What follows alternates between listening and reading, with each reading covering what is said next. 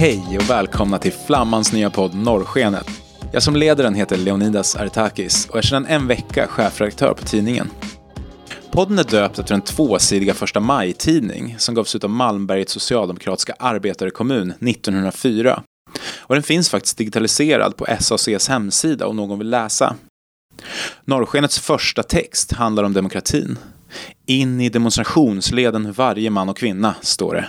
I en uppmaning till att slåss för en verklig rösträttsreform. Som alltså inte är graderad efter inkomst, vilket var högerns försök att slippa undan verkligt folkstyre. Rösträtten måste nämligen vara allmän och lika. Jag vill gärna återknyta till den historien idag, när demokratin står under hot. Som ni kanske har gissat blev norrskenet snart till norrskensflamman och här sitter vi nu. Jag tänkte gå rakt på sak i den här podden. Ambitionen är att prata viktiga vänsteridéer med aktuella författare, tänkare och aktivister. Mina första gäster är inga mindre än Vänsterpartiets förre partiledare Jonas Sjöstedt och hans dåvarande pressperson Jessica Nord som tillsammans har skrivit hans memoarer Allt kommer att bli bra, utgivna på Albert Bonniers förlag. Som pressis åt nuvarande vänsterledaren Nooshi Dadgostar kan Jessica inte prata om allt och då boken handlar om Jonas tar han förstås lite mer plats. I boken anar jag ett tema, nämligen vänsterns ständiga förnyelse. Att skaka av sig lojaliteten med östblocket, 90-talets kritik mot EU och ojämlik globalisering och 2000-talets professionalisering. Mitt intryck är att det är så Jonas vill bli ihågkommen som vänsterledare, som någon som bryter med det gamla. Vi pratar om kommunismen, Afghanistan, konflikten i partiet, beslutet att släppa fram januariöverenskommelsen samt besvikelsen över Stefan Löfven. Men även om hans resor till Italien och Hanoi. Men först två saker. De fina musikbitarna har gjorts av DJ Lowcut från min uppväxtort Uppsala. Tack för det. Och hör av er om ni vill annonsera i podden. Det var allt. Jag hoppas att ni gillar intervjun. Här kommer den. Jessica Nord, Jonas Sjöstedt. Hej på er! Hej! Hej, tack för att vi fick komma hit. Bokens första del handlar mycket om vänsterns historia. Hur man hanterar ett tvetydigt arv, hur man tar med sig det ljusa, ger upp med det mörka. Men först, du har släkt i Italien. Ja, det är så att min moster och min mamma gick på Liseberg på 50-talet. Och min moster träffade en ung italiensk man, Sandro, och blev blixtförälskad. Så hon rymde till Italien på en vespa faktiskt. Eh, de bosatte sig i Emilien ute på landsbygden, i en gammal by. Och hon fick 11 barn. Så att jag har 11 kusiner i Italien, 19 kusinbarn. Och Italien har betytt mycket för mig därför att jag var där när jag var liten. Jag åkte förbi på mina tågluffar. Och de bodde i Italiens absolut rödaste del. I deras lilla kommun så hade kommunistpartiet en förkrossande egen majoritet. Och Emilien blev ju ett exempel på vad vänstern kunde göra. Vad ett så här, modernt demokratiskt kommunistparti gjorde när den fick makten. Så det har också haft politisk betydelse för mig. Du skriver ju om det där i boken och jag känner igen det där från en fin text du skrev i Flamman för några år sedan, eller hur? Ja, så är det.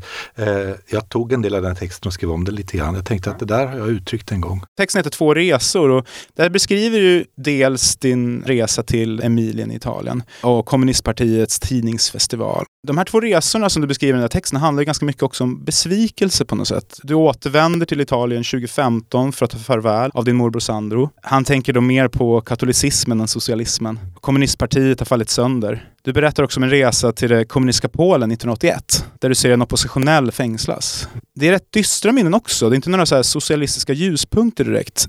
Varför kliar det i de här såren? Nej, men jag tycker att det är viktigt att vänstern förhåller sig till sin historia.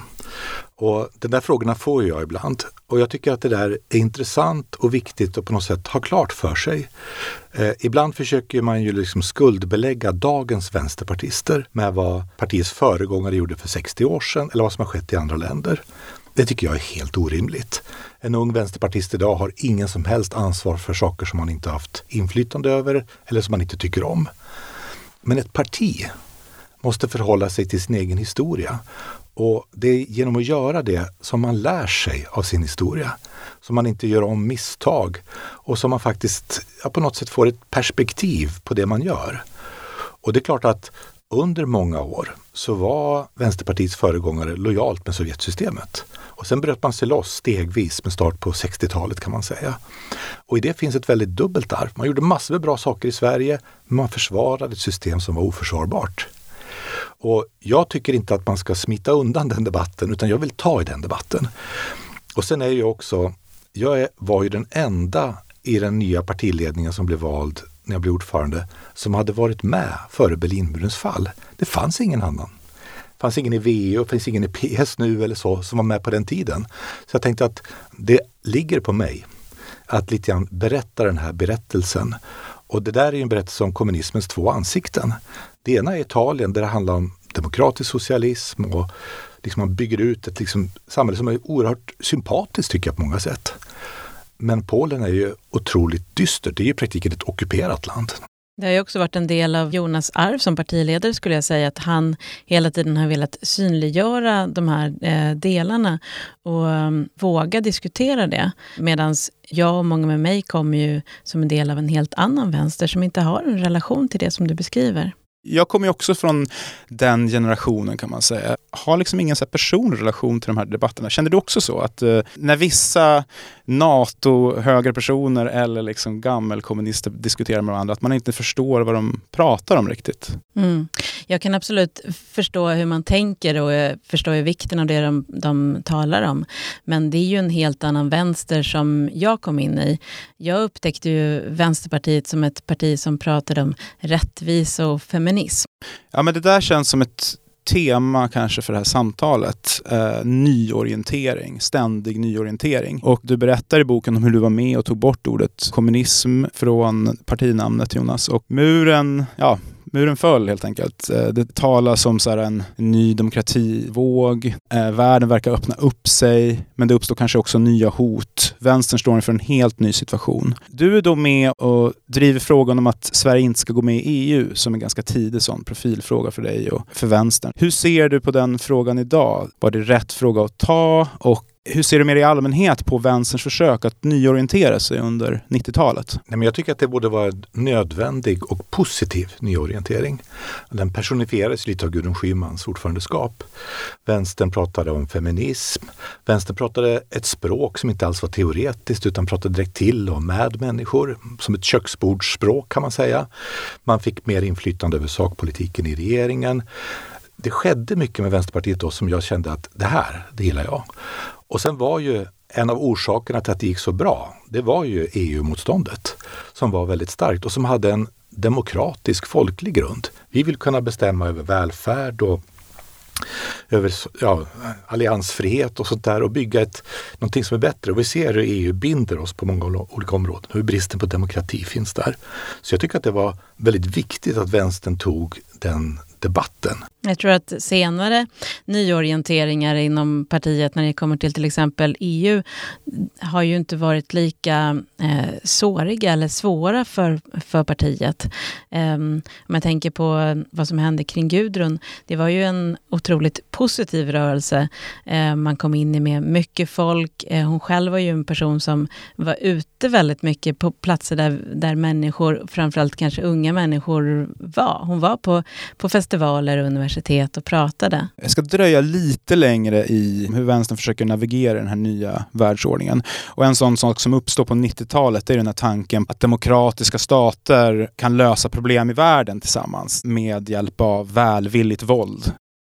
Och 2001 kommer då kriget mot terrorn och vi ser nu hur efter 20 år av statsbyggnad så kallad så finns i princip ingenting kvar. Talibanerna kan gå in i Kabul på bara några veckor. Och Vänsterpartiet röstade ju för en svensk insats. Hur, hur tänkte ni då? Jag satt ju inte i riksdagen 2001. Mm. Eh, jag satt väl i EU-parlamentet vid den tiden. Men Vänsterpartiet var så att säga för att man störtade talibanerna.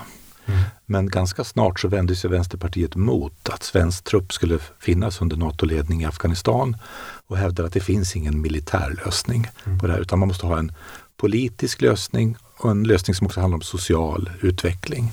Rättigheter för kvinnor, utbildning, annat också i Afghanistan. Och ibland är det väldigt plågsamt att få rätt men det finns ju ingen militär lösning. Mm. Nu har USA fått backa ur Afghanistan så att säga, som stormakter alltid har fått göra. Och man får på något sätt börja om från ruta ett. Och även om vi i någon mening har fått rätt, För det har vi fått i den här kritiken mot att det går inte att kriga fram en lösning här. Så det är ju väldigt smärtsamt att få rätt när man ser på vad som nu väntar afghanerna. Och jag tycker det är viktigt att de inte överges, utan man fortsätter stödja det som finns av opposition, demokratisk opposition. Mm. För den här liksom djupt reaktionära islamismen som talibanerna står för, det är ju oerhört begränsande för människors frihet. Ni röstade ju för en insats även 2011 i Libyen, eller hur? Var det så att vänstern också delvis drogs med i de här argumentationerna om demokratiska stater som löser världsproblem tillsammans? Ja, så vänstern har ju tagit ställning för responsibility to protect, alltså en skyldighet att förebygga folkmord och att ingripa när folkmord är på väg att ske. Mm. Och jag tycker att det är riktigt. Jag är inte en nationalstatsfundamentalist. Jag tycker till exempel, det kan säkert vara kontroversiellt, jag tycker det var bra att Vietnam störtade Pol Pot. De avbröt ett ohyggligt folkmord. Jag tycker de skulle haft en medalj för det. De blir utfrysta istället. Så jag är inte emot att omvärlden ibland kan ingripa om det sker under liksom ordnade former. Libyen blev ju en väldigt svår fråga för vänstern. Därför att det som hände var ju att det var ett uppror i östra Libyen, en sorts folklig resning. Det finns ju också olika befolkningsgrupper i Libyen och så. Gaddafi var på väg, man befarade att det skulle ske ja, ett sorts folkmord i östra Libyen. Och sen röstade man om, jag tror det var sex spaningsplan, JAS-plan som skulle användas i insatsen. Det röstade Vänsterpartiet för. Sen, om jag minns det här riktigt med den reservationen, så ansåg vi att man överskred FN-resolutionen. Och då vände vi oss emot insatsen, när man så att säga blev aktiv krigförande part. Ja, det var en, det, alltså man hamnar ofta i den typen av komplicerade situationer. Vad hade hänt om Gaddafi hade fortsätta? Jag kan ibland se folk inom vänstern som säger att det var en progressiv regering. Alltså det var en, de hade blod upp till armbågarna. Ja, ibland kan det till och med vara så att det finns två dåliga scenarier. Ibland kan världen vara så liksom brutal. Jessica, jag tänkte fråga dig. I boken pratar ni ju ganska mycket om Jonas framtoning och förvandlingen till den här myskillen som är med oss i studion. Jessica, kan du beskriva den tidiga Jonas och om det fanns något där som ni arbetade på eller hur vänstern ska kommunicera för att nå fram på ett annat sätt? Det fanns ju en bild av honom i början som eh, ganska aggressiv debattör. Men den kom ju väldigt mycket från en agendadebatt. Den absolut första han gjorde som partiledare när han väldigt adrenalinstinn, kommer in i studion och framstår som alldeles för hård och aggressiv. Och det här försöker ju folk runt omkring honom påpeka i en paus under debatten. Och han eh, försöker ju då vara lugnare i nästa del, men skadan är redan skedd. Det har satt sig en bild av honom för tv-tittare som en aggressiv debattör. Är inte det någon slags schablonbild av vänstern också? Alltså något som en vänsterperson måste vara extra försiktig med kanske? För att man uppfattas som en gnällspik? Vi inom vänstern är ju ofta i opposition. Vi tycker ofta annorlunda mot eh, det rådande. Men sen fanns det ju också en kultur som Jonas är uppväxt i vänstern, där det, det fanns en glädje i att debattera. Man eh, kunde sitta vid barbordet till sent på natten och bara diskutera vilken chipssmak som egentligen var godast. Det, det, liksom, det var någonting fint i att vara den bästa och hårdaste debattören. I det här arbetet, återigen nyorientering, ni hämtar inspiration från Alliansen, eller hur? Kan du inte förklara hur det gick till Jonas? Valet 2010 var ju en stor besvikelse för hela vänstern. Mona Sahlin var liksom statsministerkandidat. Vänsterpartiet kom med efter protester i socialdemokratin. att Man vill inte bara gå till val med Miljöpartiet. Man leder stort i början på sommaren och sen smälter det där ihop. Våra ledande företrädare sitter och tar fram ett regeringsprogram som aldrig kommer att bli verklighet. Det var ju liksom en stor eh, besvikelse liksom att eh, Moderaterna gjorde ju ett rekordval och blev nästan lika stora som Socialdemokraterna. Plötsligt stod Moderaterna och pratade om sig som ett arbetarparti att inte förstöra anställningstryggheten och sänka skatten för vanligt folk. De tog bort sina svagheter. De tog bort det här som hade gjort att man inte röstade på Moderaterna. Och sen förde de ju moderat politik ändå. Men de pratade ett nytt språk. Plötsligt var det människor som inte hade övervägt att rösta på dem som gjorde det. Och Aron Etzler skrev ju då en bok som heter Reinfeldt-effekten. Och de tog också ner Mona Sahlin på karaktär stenhårt i valrörelsen. För vi tyckte att de hade varit otroligt skickliga. De hade liksom varit duktiga på det de hade gjort. Och då tänkte vi så här, vi hade gjort förlustval tror jag 16 år i rad. Eh, eh, vi hade inte jättemycket medlemmar och det hade varit framförallt några år tidigare betydande spänningar i partiet och motsättningar. Är det så att folk uppfattar oss som vi uppfattar oss själva? Vi kanske ska ta reda på det. Hur ser våra väljare, hur ser vänsterväljare i allmänhet på vilka vi är? Och då gjorde vi det. Och då kom vi fram till att vi har en del problem. Väljarna ser inte på oss som vi tror. De missuppfattar oss kan man säga. Och dessutom så fanns det inte en enda sakfråga som Vänsterpartiet ägde i valet 2010. Vi var inte förknippade med något. Det är ganska dåligt för ett parti, ett dåligt läge. Eh, så vi bestämmer oss, vi, vi gör om det här. Och vi gör om det från grunden. Vi jobbar inte med det här en månad, inte ett år, utan vi jobbar med det här i många år. Och sen kan vi mäta förändringen. Från den första mätningen vi gjorde till den sista mätningen som vi gjorde någon vecka före att jag avgick, så är den, dels går vi från 5% till 11 procent i de där mätningarna, men det är så otroligt många fler som gillar Vänsterpartiet, som tror att Vänsterpartiets politik är bra för dem och som tror att vi är ett parti som får saker gjort, som får igenom reformer och så. Medan i början såg man oss som att det är ett parti för marginaliserade grupper. Inget fel med det, har ett stort hjärta, men kanske inte för vanligt folk. Det är ett parti som snackar mycket men får lite gjort. Och då hade vi ändrat det. Om man liksom tänker på hur människor ser politik och hur man röstar och så, så var ju det helt avgörande för att göra det möjligt för oss att nå fler människor. Mm, och I det så ligger ju också att vi lyckades eh, förstärka rörelsebyggande bitarna i partiet och skapa en känsla av eh, momentum kring oss och våra möten. Vi har ju alltid varit ett parti som gillar att ses där ute, men nu plötsligt så lärde vi oss att skapa riktigt stora och eh, välbesökta möten. Ofta kom det så mycket folk att vi var tvungna att sista sekund byta lokal för att den första lokalen räckte inte till. Och vi lyckades skapa en känsla av att här, i det här partiet, så händer det något speciellt. Det är något historiskt skifte som är på gång. Den här processen måste ju också varit lite smärtsam. Alla kanske inte alltid var med på tåget. Jag tänker på det när jag läser eh, boken. Den är en ganska ärlig bok ändå. Det är många roliga små anekdoter. En sån som är ganska harmlös är när Gudrun Schyman talar på ditt och Ann Moves bröllop och beskriver äktenskapet som en kvinnofälla. Det är ganska roligt. Andra bitar är kanske allvarligare. Du ifrågasätter ju Lars Ohlys hantering av Vänsterpartiets historia. Du kallar Rosanna Dinamarca för en utpräglad identitetspolitiker som vill stå i rampljuset och inte formulera egna strategier. Du berättar att Amineh Kakabaveh är en duktig aktivist men inte sköter sitt jobb i riksdagen. Och det här är ju liksom, det är inte bara skvaller, eller vad man ska säga, eller hur? Det är ju en tradition inom vänstern som du vill göra upp med. Har jag förstått det rätt? Ja, du har förstått det rätt. Och i grunden är det politiska vägval. Det handlar om vilken sorts parti vi ska vara. Och jag menar att vi ska vara ett parti som inte har jättehögt tonläge. Vi ska inte vara någon som står och skriker in i örat på folk vad de ska tycka. Utan någon som pratar, möter människor i ögonhöjd. Vi ska få saker gjort och det hänger ihop med det här tidiga att människor, de såg på oss som liksom välvilliga pratkvarnar i början. Och det vi gör är att vi genomför massor med reformer och plötsligt är Vänsterpartiet ett parti som jublar. Japp, där satt glasögon för barn. Japp, mer anställda i äldreomsorgen. Tack vare Vänsterpartiet bygger vi hyresrätter. Och det gjorde man också ute i kommunerna. Vi styrde ju liksom Göteborg, Malmö, Kiruna, Norrköping, Västerås. Och det blev ett helt annat sätt att förhålla sig till. Vi är ett parti som får saker gjort. Vill man ha vänsterpolitik, då är det Vänsterpartiet. Och för mig står det i motsatsställning till att vara ett parti som är mindre, mer opposition med högre tonläge. Jag var tvärtom. Jag var vi ska ha inflytande, vi ska vara stolta över det vi gör och vi ska samtala med folk. Och därur kommer ju det. Och sen tänkte jag också att alltså feminism, ekologi, hbtq-frågor, det är liksom i vårt DNA. Men klass är liksom där hela tiden. Vi är inte, vi är inte fi. Vi är ett socialistiskt parti. Och för mig var det viktigt.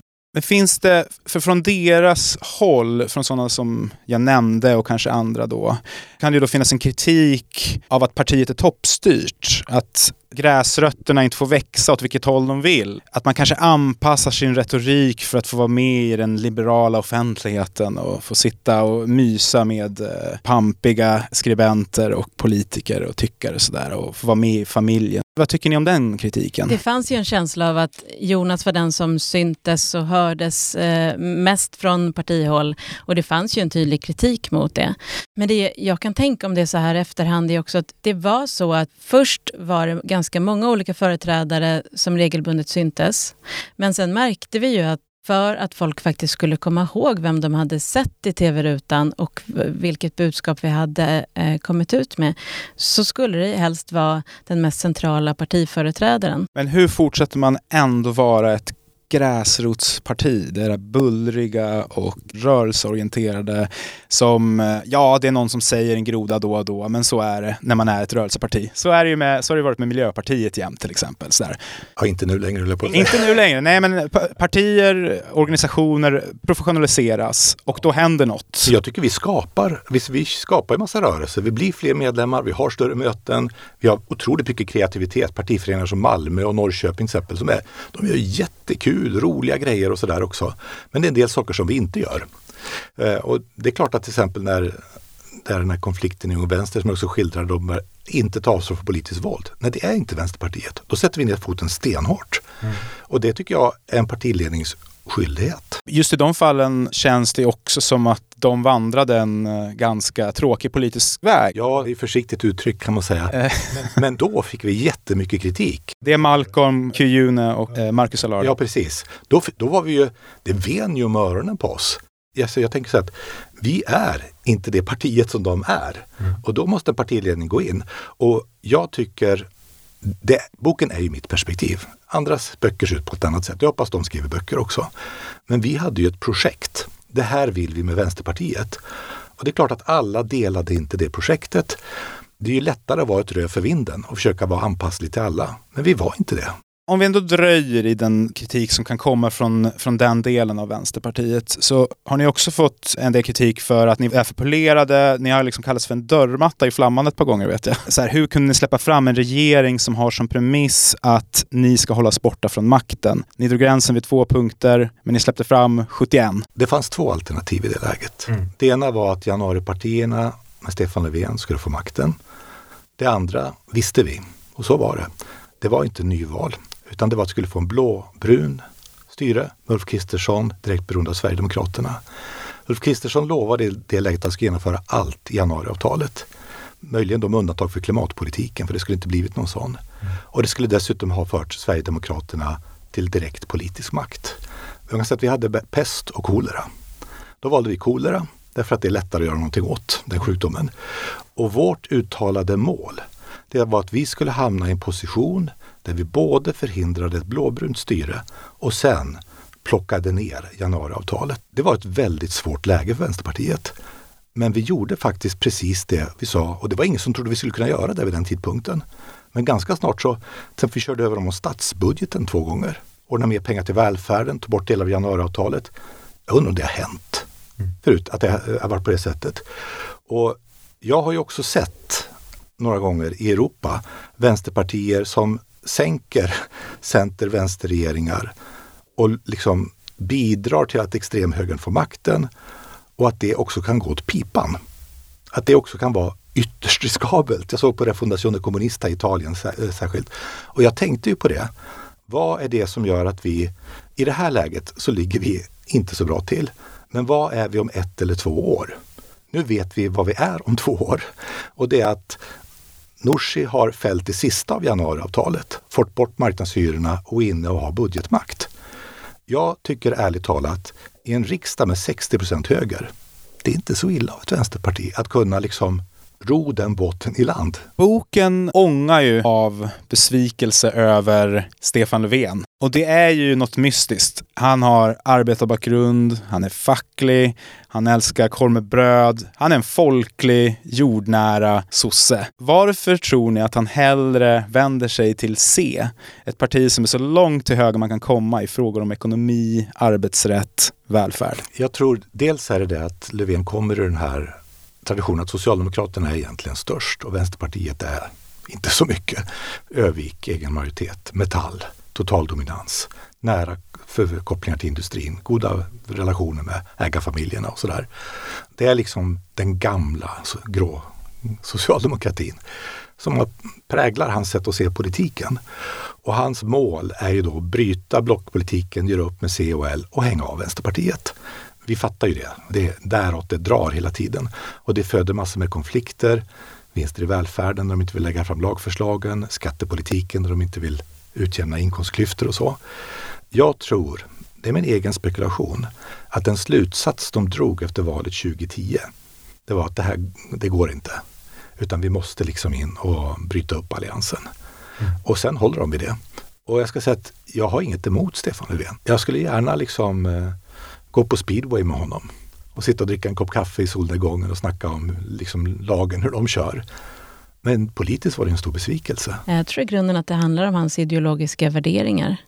Eh, vi ser ju också en, en, resa under bokens gång där vi, Jonas i början av boken faktiskt regelbundet försöker träffa Löfven, för han tänker att det här är en person som jag kommer göra en del politik med och de träffas ofta och tar en kopp kaffe. Viktigt att ha en bra relation. Och eh, vi går ju där i början från en pastasallad med Stefan och Ulla och Jonas familj till, till slutet av boken, några av eh, hans sista dagar som partiledare, när han har ett eh, ganska upprört gräl med Löfven. Och då gäller det LAS-frågan och ultimatumet där. Det är en, en tydlig förändring i relationen till Socialdemokraterna som vi ser i boken.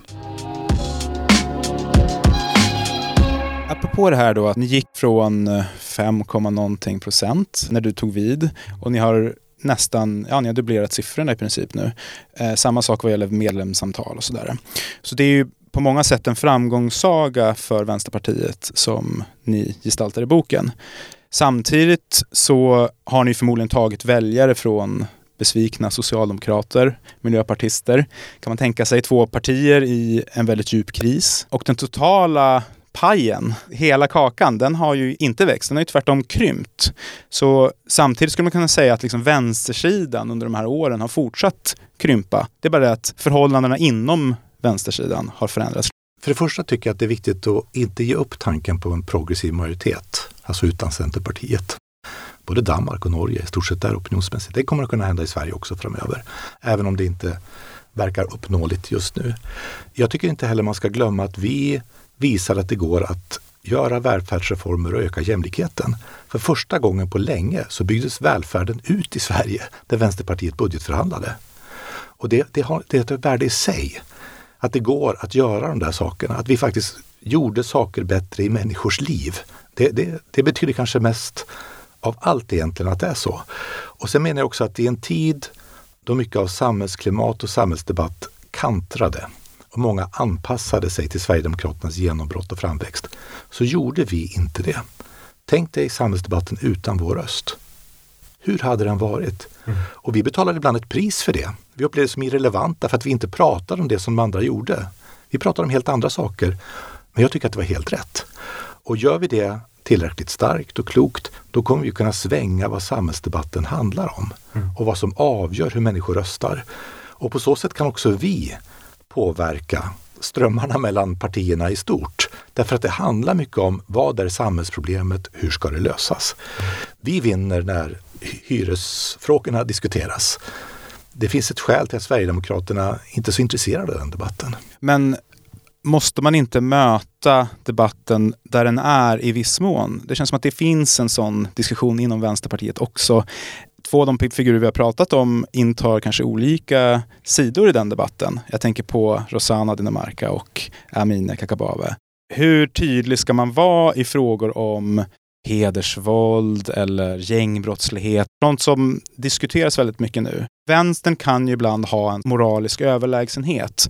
Man eh, läser en dum artikel i en högertidning och sen så upprörs man av den och ventilerar sin eh, moraliska upphöjdhet. Senast i form av, eh, det var en artikel om hur främmande språk är så läskiga. Okej, okay, en löjlig artikel, men det är ett problem att många i Sverige inte talar svenska. Det är ett faktum att det är så och det är ett problem. Så vad är vänsterlösningen? Den framkommer inte alltid i debatten, utan vänstern backar ur och säger det där är inte vår fråga.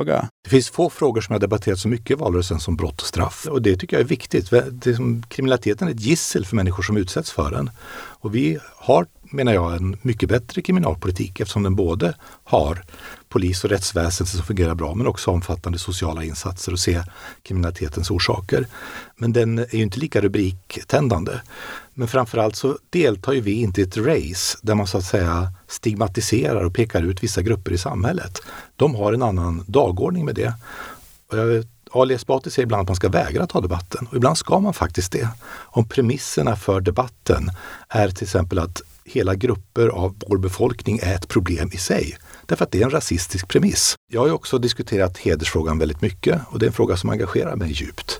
Därför att det är ett fullständigt vidrigt form av förtryck mot framförallt kvinnor, men även mot hbtq-personer och pojkar och andra som används i det här. Vi har aldrig varit otydliga och jag har aldrig varit otydlig i den frågan.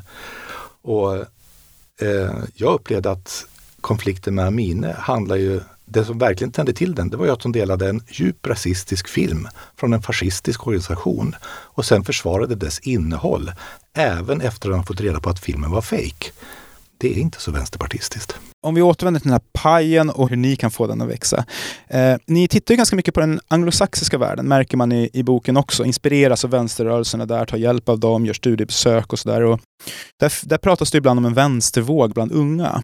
Man har lyft fram gamla stötar som Corbyn och Sanders, men också nya stjärnor som Alexandria och Ocasio-Cortez. Rörelser som Momentum och DSA och Sunrise Movement. I Sverige verkar det ändå se annorlunda ut. I SCBs majundersökning har SVMP 40,5 procent bland unga. 42,9 procent bland de vuxna. Det är liksom färre på vänstersidan bland unga. Varför lyckas inte vänstersidan nå fram till de unga bättre i Sverige? Det vi lyckades med, det var att nå fram till de unga vuxna, inte till ungdomarna. Men om man då mäter de här som eh, kanske är familjebildningsålder mellan 20 och 30, inte 18 till 24 eller så, då går det mycket bättre. Vi pratade om två stora grupper som drogs till partiet. Och det var liksom unga, ofta i storstäderna med progressiva värdering. Det är viktigt med klimat, feminism, jämlikhet. Och det var också de vi kallar ekonomiskt utsatta. Och det gör att Vänsterpartiets väljarkår är ganska sammansatt. Men det var inte de allra yngsta faktiskt. Det, det, var inte det, utan det var de unga vuxna som var den lättare gruppen för oss. De har ju en god anledning. Klimatet, vi ser översvämningar, eh, bränder. Samma sak gäller frågor om arbetsmarknad och framtidsutsikter eller möjligheten att ta en bostad. Det finns ju all anledning att vilja organisera sig. Och ändå så verkar det inte finnas någon tilltro till det parlamentariska sättet att göra politik, eller hur ska man formulera det? Det görs ju olika mätningar och de förändras naturligt över tid flera mätningar så är vi största parti bland unga kvinnor. Större än något annat i svensk politik. Men inte bland unga killar kan Nej. man säga. För vi har ju en väldigt stark ja, det, eh, splittring mellan manliga. Det är den som är så intressant. Och, Varje person röstar ju en gång. Så är det. Så det är ju liksom en väldigt delad väljarkår på väldigt många olika ledder. Men, men eh, om man ska peka ut en, hur ser den mest typiska vänsterpartiväljaren ut? Så är det ju en ung kvinna med ett LO-yrke.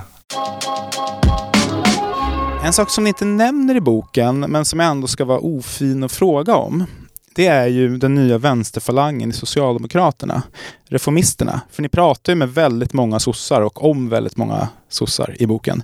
Men ni, ni nämner inte dem vad jag, vad jag kunde se i alla fall. Har ni pratat med varandra? Ser ni dem som en positiv vänsterkraft? Och vad tror ni om deras möjligheter? Ja, alltså jag tycker ju alltid det är positivt när folk går till vänster och formulerar vänsterpolitik. Och mycket av det som reformisterna gör ligger väldigt nära Vänsterpartiet. Vi diskuterar liksom samma frågor med klimatinvesteringar, jämlikhet och skattesystem.